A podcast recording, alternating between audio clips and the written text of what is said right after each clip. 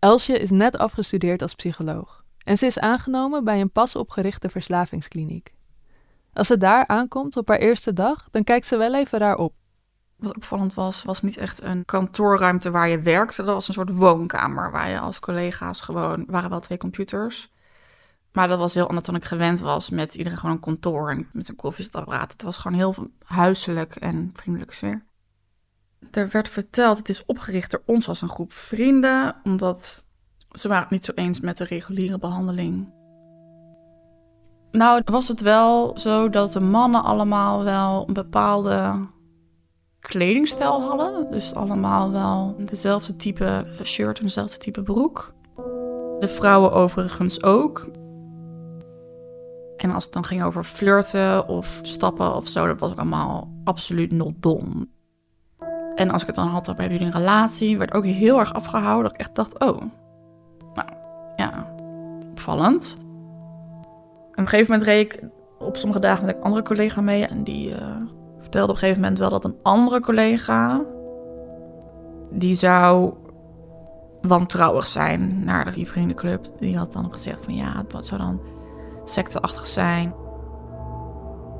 En toen je dat hoorde, die suggestie... Toen dacht ik, nou, wat raar. Nee, natuurlijk niet. Nee, dat was totaal niet in mijn hoofd opgekomen.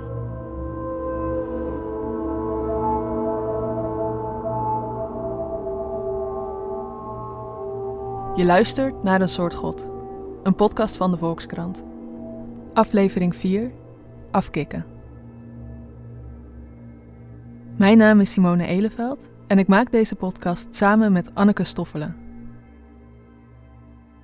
In de vorige aflevering hoorde je hoe de groep aan geld probeert te komen met wietplantages. Maar dat blijkt nog best lastig en de kans om gepakt te worden wakkert René's paranoia nog verder aan. En daarom gaan ze in 2010 op zoek naar een nieuwe manier om aan geld te komen. Rond die tijd komt een kennis van René op bezoek in Kessel, als hij net is ontslagen uit een verslavingskliniek. Je hoort hier Jeppe. Daar kwamen we mee in gesprek en die zei zo, daar zit, uh, daar zit geld heen. Weet je wat mijn traject kostte? 20.000 euro, vier weken. Dus wij gingen ook rekenen. Oh. Nou, en uh, natuurlijk hadden we het altijd over hoe kunnen we ons spiritueel pad uh, goed inrichten. Dat is ja, en, zinvol voor, voor de medemens. Dus degene die zijn gevallen een stukje licht brengen, zei hij dan. Dus dat is ideaal, je geld verdienen en mensen helpen. Nou, ik stond helemaal achter, ik ben helemaal blij. Dan gaan we dat creëren. En hoe begin je zoiets? ja, kijken wat, uh, wat is er nodig en dan uh, voor de voet wegwerken, vergunningen aanvragen, uh, pand inrichten, subsidies aanvragen, bij de bank praten.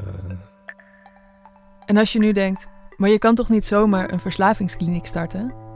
Dat kan dus wel. Geloof het of niet, maar in 2013 heeft de Volkskrant ook een verslavingskliniek opgericht. Dat was om aan te tonen hoe makkelijk dat dus is. En voor een korte tijd was de Volkskrant dus bevoegd om verslaafden te behandelen. Daar zijn toen wel wat kamervragen over gesteld, maar de regels die zijn sindsdien niet echt veranderd. Dus ook de groep heeft het vrij snel voor elkaar. De jongens die verkopen hun huis aan de stichting die ze voor de kliniek hebben opgericht. Joris, de handigste van de twee, die verbouwt het hele pand zodat ze de patiënten kunnen opvangen. En het geld dat ze nog over hebben van de wietplantages steken ze in Google-advertenties. Dan al snel melden zich de eerste verslaafden. Maar om de zorg te mogen declareren bij de zorgverzekering hebben ze wel afgestudeerde psychologen nodig. En zo komt Elsje bij de groep terecht. Nou, dat was altijd wel een gedoe, want er ging dus geen openbaar vervoer. Ik had ook geen auto, dus ik, ik werd het opgehaald op het station. In de eerste fase op het station. Moest ik regelmatig ophalen, ja. Maar die had niet een hele positieve indruk op mij eh, gemaakt. Zij was een studentje uit uh, Nijmegen met een uh, vrij korte rokje. Dus ik dacht wel van, oh, dat is natuurlijk een slet. Ja, ik had, ik had een beeld van je van uh, een zuiver bestaan. Voor vrouwen of voor mannen? Ja, voor vrouwen. Voor mannen ook wel hoor, maar meer over vrouwen. Ja, dat voelde ik wel. Ik voelde me niet welkom. En ik voelde me ook wel een beetje op me neergekeken. Dat voelde ik ook wel. Zo van, oh, jij bent nog zo'n jong, net student af meisje die hier uh, psycholoog uit komt hangen. Dat, dat Zo, ik voelde me ook hartstikke onzeker in mijn vak. Ik was echt super onzeker. Ze is dan ook pas begin twintig. Maar ondanks haar onzekerheid is het Elsje die de gesprekken op gang houdt tijdens de autoritten. In de auto ga je dan toch vragen van, nou, heb je geen relatie? Of waar woon je nou eigenlijk? Of uh, waar kom je eigenlijk vandaan? Nou, zij was wel heel erg uh, uh, vrijpostig in het vragen naar privéomstandigheden. Nou, dan bijvoorbeeld, je hebt zeiden van, nou, dat hij al heel lang geen relatie had gehad. En toen zei ik, oh, maar is dat dan wat je wil? Of um, waarom dan niet? En hield ik dat af. En dan zei hij dat hij genoeg had aan zijn vriendenclub. Of ja, spiritualiteit en vechtkunst. In onze gesprekken met Elsje viel het Anneke en mij ook al op hoe weinig veroordelend zij is. Want als iemand mij zou vertellen dat hij geen relatie wil omdat hij genoeg heeft aan zijn spiritualiteit en vechtkunst, dan zou ik dat denk ik wel een gek antwoord vinden. Maar als Jeppe exact dat antwoord aan Elsje geeft, dan is het enige wat zij denkt: Oh, interessant. Um, ik was niet zo gewend dat mannen open, heel open waren over allerlei spirituele zaken. Dus dat bracht wel iets in mij los dat ik dacht: oh ja, dit wordt in mijn normale dagelijks leven niet per se zo aangesproken. Ze merkt dan wel al snel dat Jeppes blik op spirituele zaken vrij zwart-wit is. Ik had wel door van hij had overtuiging en er was niet aan te morren. En alles wat ik tegenbracht, draaide hij zo dat het toch weer in zijn plaatje paste. Bijvoorbeeld over reïncarnatie en dat je als mens een bepaald pad bewandelt en dat meerdere levens achter elkaar aan elkaar verbonden zijn en over karma.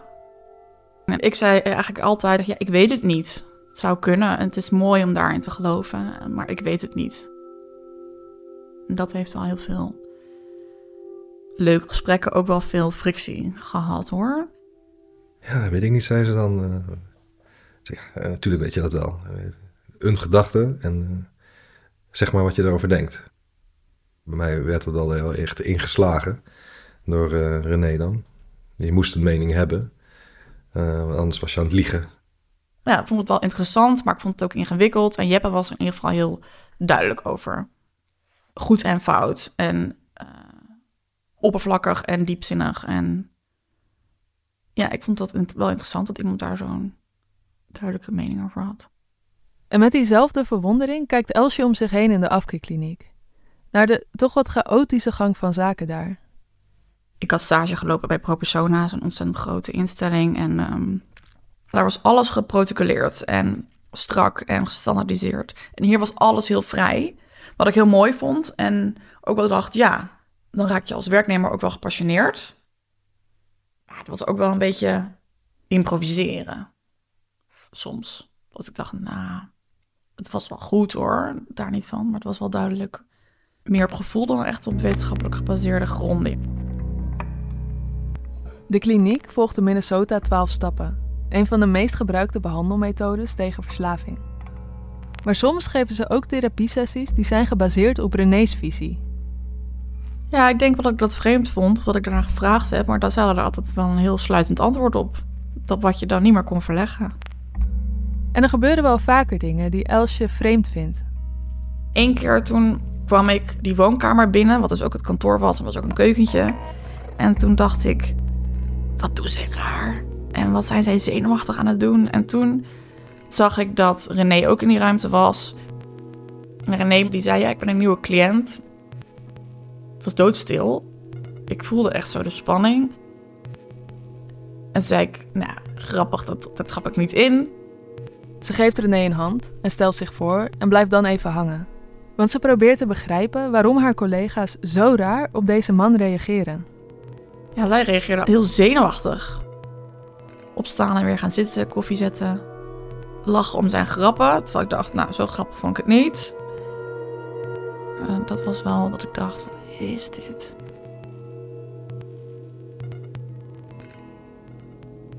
En dus heeft Elsje tijdens haar autoritten met Jeppe nog meer vragen. Uh, met die vriendenclub, hoe zit dat dan? En ik vond het wel, uh, wel heel erg leuk dat ze daar heel erg uh, op doorvroegen. Daaruit bleek heel veel interesse. En beetje bij beetje vertelt Jeppe haar over René, de groep en het pad dat zij samen hebben gekozen. Ik had het bij Jeppe wel het idee dat hij blij was in de groep. vond de vrouwen er wel vaak bleek uitzien en moe. Die vond ik gewoon niet zo levendig. Bij die mannen had ik een heel levendig gevoel en bij die vrouwen vond ik een beetje. Ze zijn er wel, maar ze zijn er niet. Maar waarom die vrouwen zo'n afwezige blik hebben, daar gaat ze via Jeppe niet achterkomen. Wel, wel geleerd uh, bepaalde dingen niet uh, te vertellen. Wat daar gebeurde aan uh, mishandeling, dat, dat ging niet delen. Maar niet omdat hij zich schaamt voor wat er daar gebeurt. Meer van, nou, dat snappen zij toch niet. dat, dat, dat dat nodig is om harde patronen te keren. Maar ondanks de dingen die hij verborgen houdt, durft Jeppe wel steeds meer van zichzelf te laten zien aan Elsje. En zeker als hij merkt hoe zij reageert op iets wat hij zelf als een van zijn slechtste eigenschappen ziet. Toen op een gegeven moment uh, vertelde ik over mijn ADHD en dan uh, zei hij niet van, wat, wat stom, maar uh, wat lijkt me dat vervelend als je dan... want ik heb dat niet, hè? als ik dan iets zie dan is het niet dat ik dat gelijk koop. Het lijkt me heel naar voor je als je dan erachter komt dat je het eigenlijk helemaal niet, niet gelukkig maakt en dat je dan toch uit impuls dat dan maar hebt gekocht. Dat is helemaal zo, hè? Want René, die kijkt daar heel anders naar. Nou ja, ik vond het heel moeilijk om te concentreren. En we hadden daar dan sessies uh, van uh, uren achter elkaar. Dan ging ik een beetje, een beetje wiebelen. Nou, dat werd heel erg afgerekend. Zenuwleier die niet stil kan zitten, die zich niet kan concentreren. Vind je dan niet interessant? Want als je niet concentreert, vind je het blijkbaar niet interessant. Ik, ik, hoorde dat en ik, ja, inderdaad, nee, dat is logisch. Jeppe heeft dan al zo lang niemand gehad met wie hij vrij durfde te spreken. En dus zoekt hij naar nog meer manieren om tijd met Elsje door te brengen. Toen zei hij op een gegeven moment na het werk van ga je mee een broodje eten hier in de stad? En toen, ik was best wel van hem gecharmeerd, dus ik deed dat en ik vond dat heel leuk. Ja, op een gegeven moment had hij kaartjes voor een voorstelling in Rotterdam. Appte, kreeg ik een appje van, nou, ik zou met iemand gaan, maar die heeft afgezegd. Heb je zin om mee te gaan? En dat was wel echt spannend, want toen gingen we daar met z'n tweeën heen in zijn auto. En toen um, gingen we daarvoor nog even wat eten. En toen liepen we met z'n tweeën het restaurant binnen. Toen dacht ik, wat zullen ze nou denken? Dat we een setje zijn of niet? Ja, ik was ook wel heel erg betoverd door hem hoor. Maar hij was heel duidelijk over. Hij stond niet open voor een relatie. Het was absoluut geen date. Daar was hij heel duidelijk over. Maar het is voor Elsje dan niet helemaal helder waarom Jeppe zo'n afstand houdt. Want hij komt op haar over alsof hij haar misschien ook wel leuk vindt.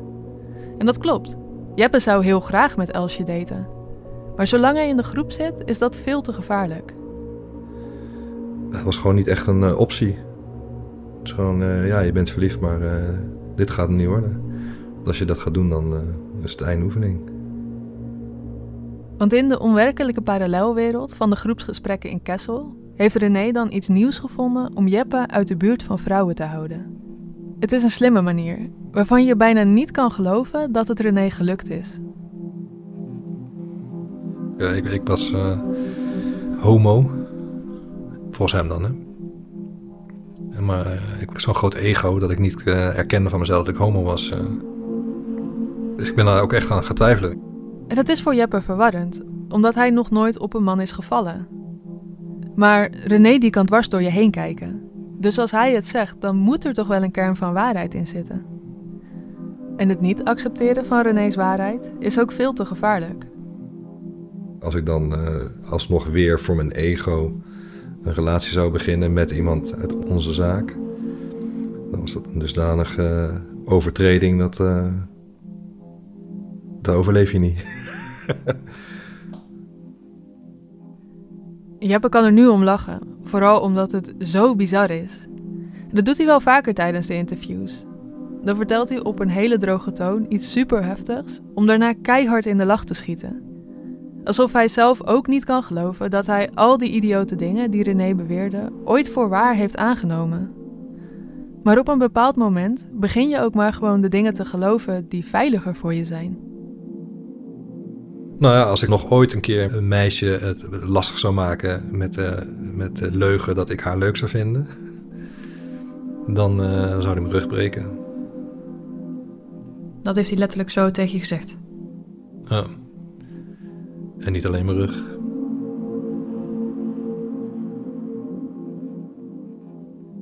René's bedreigingen hebben succes. Jeppe heeft al jaren geen relatie meer gehad als hij Elsje leert kennen. Maar nu kan hij voor zichzelf niet langer ontkennen dat hij verliefd op haar is. Maar dat betekent ook dat hij moet toegeven dat René hier de dingen toch echt verkeerd ziet. Hij is samen met Elsje aan het werk in de kliniek als hij voor het eerst iets van zijn twijfels laat merken. Ja, op een gegeven moment zei hij iets, stond hij naar buiten te kijken en toen zei hij: Wat zou jij doen als je door je vriendengroep niet geaccepteerd wordt zoals je bent?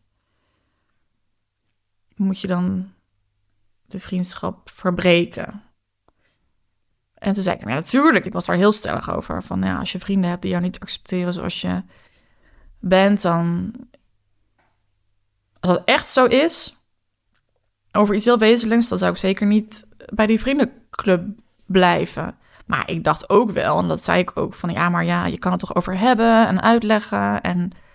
Maar toen maakte hij wel duidelijk dat het niet ging over iets kleins of zo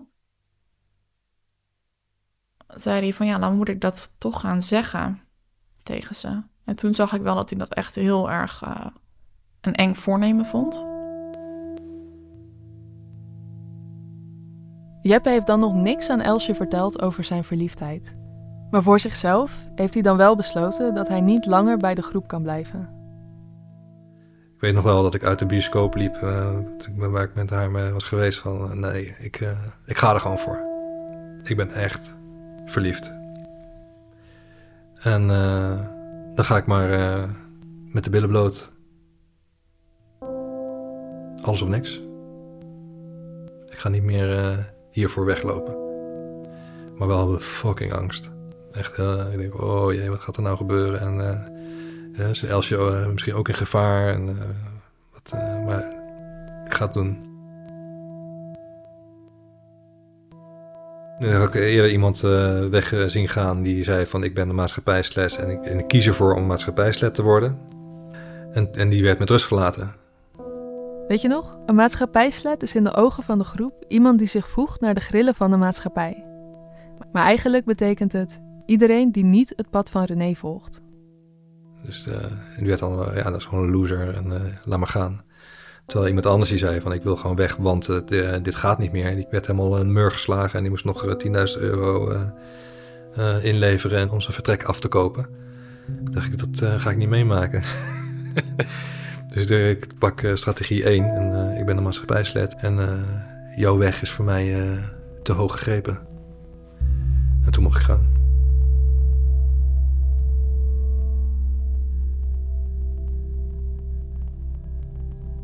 Hij hoeft nooit meer naar de kringgesprekken in Kessel. Jeppe's weg naar het krijgerschap eindigt hier. Maar toch is hij dan nog niet vrij.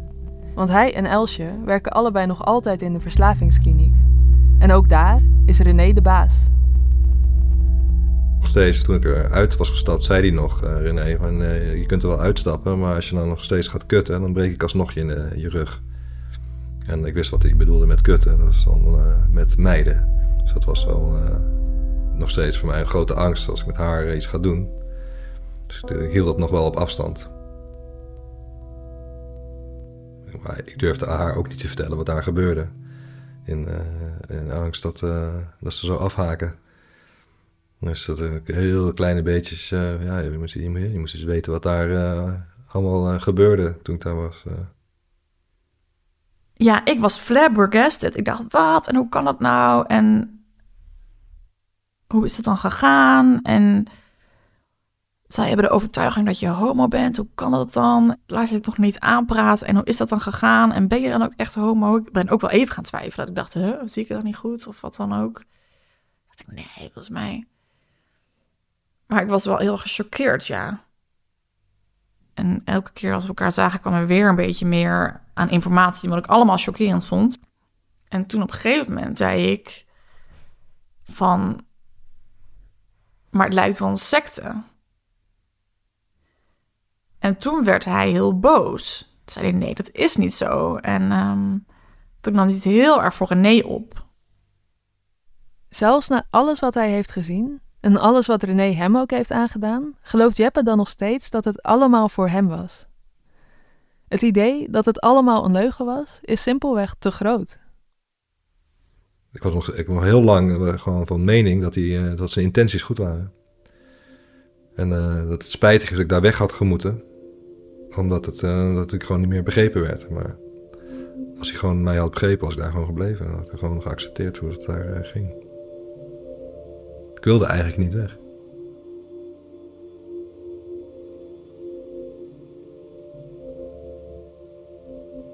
Zagen elkaar echt wel vaak. En hij hield het de boot af. Van nee hoor, sowieso geen relatie. En zeker niet met jou, want je bent een werknemer, et cetera. Toen hebben we nog iets van drie keer uitgegaan. Toen heb ik eh, geprobeerd haar te, te zoenen, maar ik durfde dat allemaal niet.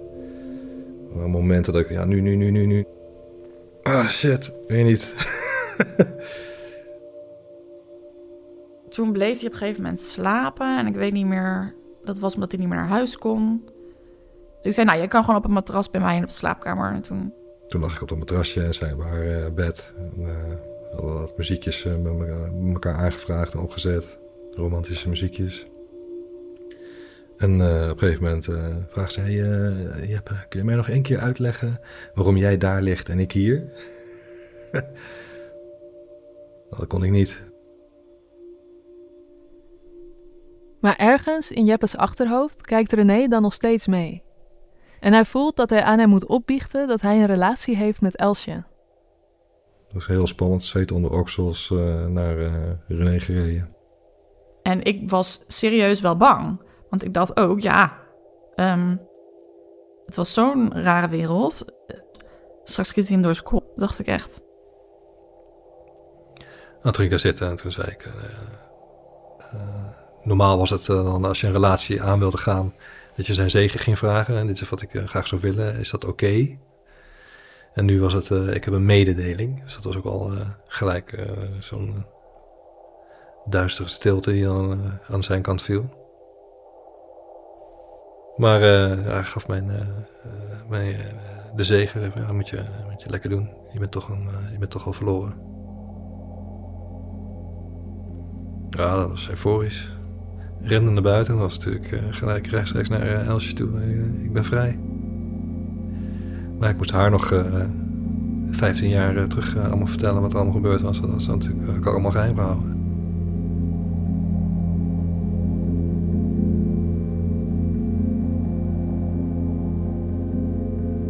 Ja, hij zei niet alles in één keer, want dan wist hij wel dat ik dat niet zou kunnen verdragen. Dus het ging gewoon langzaam steeds een deurtje open.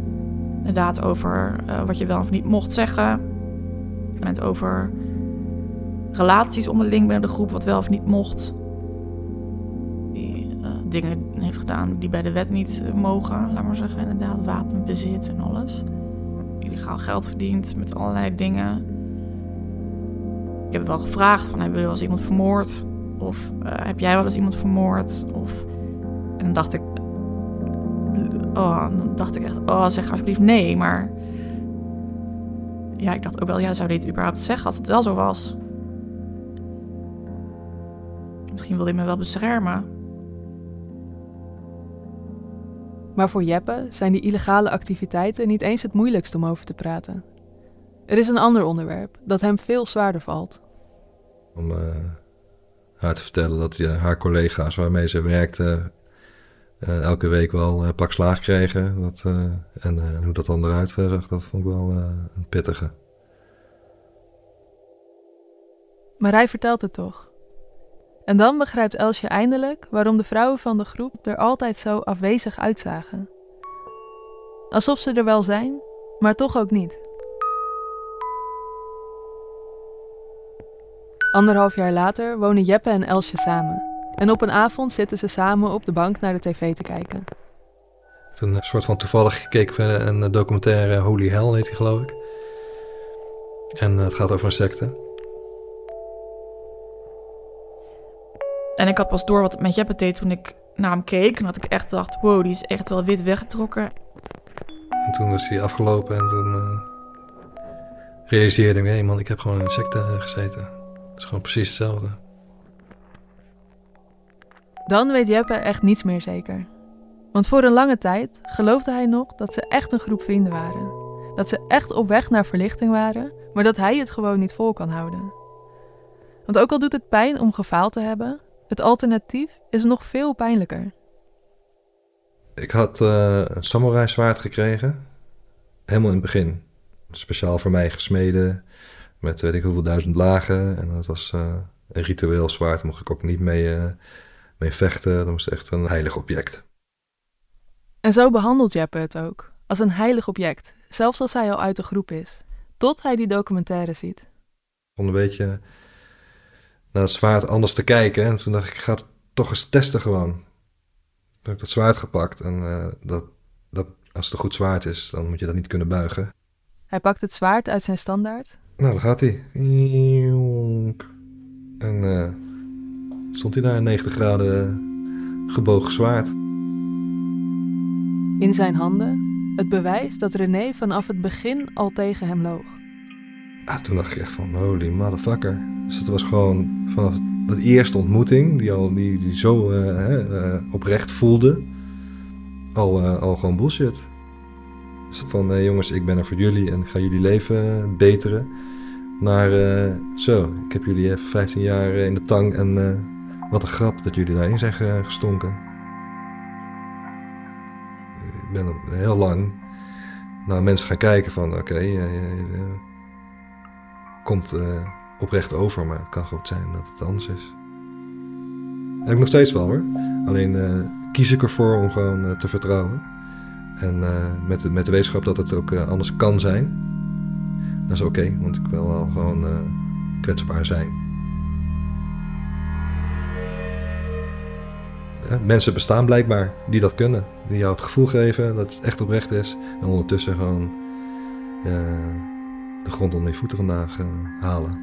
Echt uh, bizar, maar het bestaat.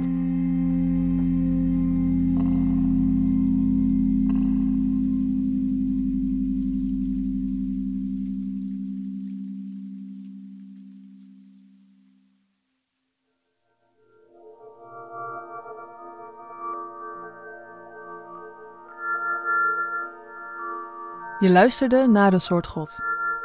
Aflevering 5 verschijnt op donderdag 25 november. Mijn naam is Simone Eleveld en ik maak deze podcast samen met Anneke Stoffelen. De muziek die je hoorde is gemaakt door Michel Banabila en Rutger Zuiderveld. En het sounddesign is gedaan door Mona de Brouwer. Ons logo is ontworpen door Matteo Bal en Titus Knechtel. Communicatie door Emilie van Kinschot. Eindredactie Corine van Duin en Kevin Goes. Met dank aan psycholoog Jessica Terwiel. Een soort God is een productie van de Volkskrant. Wil je onze journalistiek steunen? Overweeg dan om een abonnement te nemen. Daarvoor ga je naar volkskrant.nl/slash abonnement. Dankjewel voor het luisteren.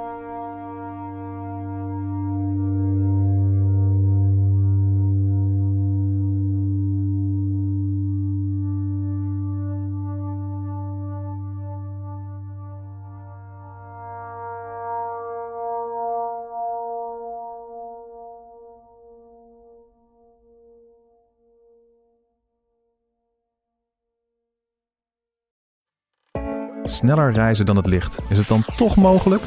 Met welke radicale uitvindingen kunnen we klimaatverandering stoppen? En hebben dieren eigenlijk ook een gevoel voor humor? Ik ben Tony Mudde, chef van de wetenschapsredactie van de Volkskrant. En deze en andere vragen beantwoorden we in de wetenschapspodcast Ondertussen in de Kosmos.